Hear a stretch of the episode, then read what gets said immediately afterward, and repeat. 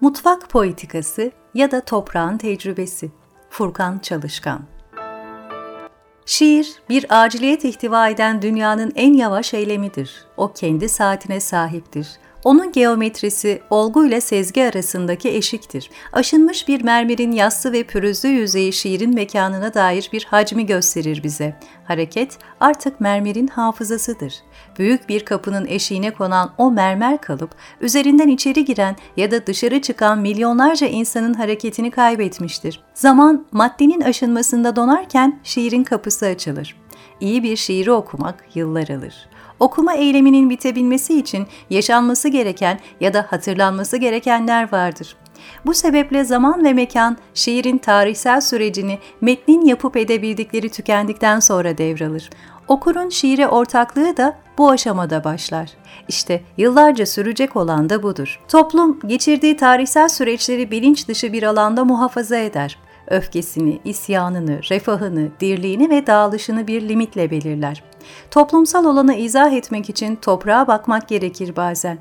Mühendisler toprağın tecrübesini hesaba katmaktan bahsederler. Bu şudur. Toprak binlerce yıl içerisinde üzerine konulan yükleri aklında tutar.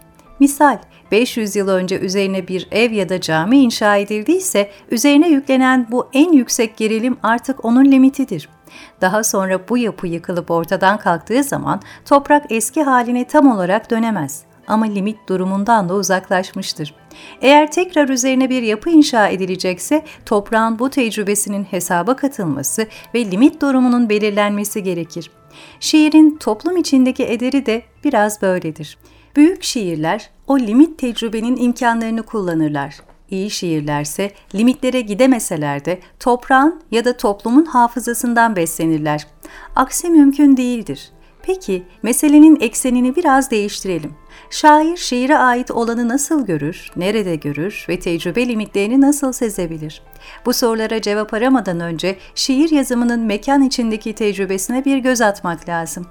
Üretimin mekanla ilişkisini konsantrasyon penceresinden değerlendirmek işimize yaramaz bu aşamada. Gürültülü bir kahvehanede ya da şakrak seslerin kapladığı bir çay bahçesinde yazmakla sessiz ve steril bir çalışma odasında yazmak arasındaki farkı bir kenara bırakarak şiirin görüldüğü mekanın mahiyetine odaklanalım. Tam buraya bir banyonun içerisinde bir düzüne kazla birlikte elindeki teksir kağıtlarına şiir yazmaya çalışan o çocuğun hikayesi gerekiyor. Hikaye şöyle. Adımları hızlanıyor çocuğun önce. Bir an önce eve varması gerekmekte. Ana yoldan sapıp bitişik bahçelerin içerinden geçerek yolu kısaltıyor. Bu sırada boynunda çivili tasması olan bir kangal çok fena hırlıyor kendisine. Ondan kaçarken dizini kanatıyor. Pekmez dolu bir kazana deviriyor. Neden eve varmak için bu kadar acele ediyor peki? Yaşadığı duygusal deneyimi şiir olarak somutlaştırması gerekiyor. Yalnız kalmaya ihtiyacı var. Paldır küldür eve varıyor. Salonda komşular var. Müsait değil. Abisiyle paylaştığı odaya gidiyor. Orası da abisi ve arkadaşları tarafından işgal edilmiş. Odaları dolaşıyor. Hepsi dolu. Boş bir köşe yok. Mutfakta komşular için çay ve yemek pişmekte. Ablaları kovalıyor. Aklına tek bir yer geliyor. Banyo. Bu matematikte bir tek orada yalnız kalabilir. Heyecanla kapısını açıyor ve ıslak fayansların üzerinde dolaşan kazlarla karşılaşıyor. Soğuk havada besledikleri kazları banyoda muhafaza eden annesine söyleniyor. Fakat buna da razı oluyor. Çantasını kucağına alıp küvetin içine yerleşiyor. Etrafında kazlar dolaşırken bir küvetin içinde yalnızlıktan bahsetmek için artık mekandan bağımsız düşünmek mümkün değildir.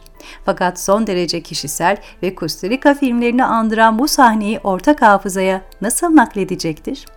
İşte burada da şiirin görülenle gösterge arasındaki en mucit tavrına ihtiyaç duyacaktır. Kalabalık ailelerin ve küçük evlerin, yaşama uğraşının ve gençlik heyecanların o ortak alanına girmenin yolunu bulmak zorunda. Üstelik o ıslak fayanslar ve kazlarla birlikte. Limitleri unutmadan. O halde mekanı yazım eyleminden ayırıp bakış tecrübesinden ibaret olarak da değerlendirelim. Buraya da Soner Karakuş'un Akla Veda şiiri gerekiyor. Kaç milyar insan çalıştırıyor yalnızlık? Okumadan da öğrenebilirdin bu kadar felsefeyi. Annen mutfakta neden ağladı? Kara kuşun tecrübe limitlerinden bir yol bulduğu ortada. Mutfakta ağlayan bir anne. Zamanın ve mekanın sonsuz kere birbirini tekrarladığı müthiş bir gerilimdir. Ağlamak için yalnız kalması gerekiyordur ve bunu ancak aileyi bir sofra başında toplayabileceği o hazırlıkları yaptığı, kendisini tanımlı tek alanda gerçekleştirebiliyor. Mutfakta ağlayan bir anne, herkesin bildiği bir sırdır. Pekala şiirin de herkesin bildiği bir sır olduğunu söyleyebiliriz. Bu bakış birliği ortak hafızaya ya da toprağın tecrübesine dair bir gerçek barındırır içinde. Mermer aşınmış, toprak yeniden yüklenmiş ve biz içinde sadece bize ait sırların olduğuna inandığımız bir evin sakinleri olarak hayatımıza devam ederiz.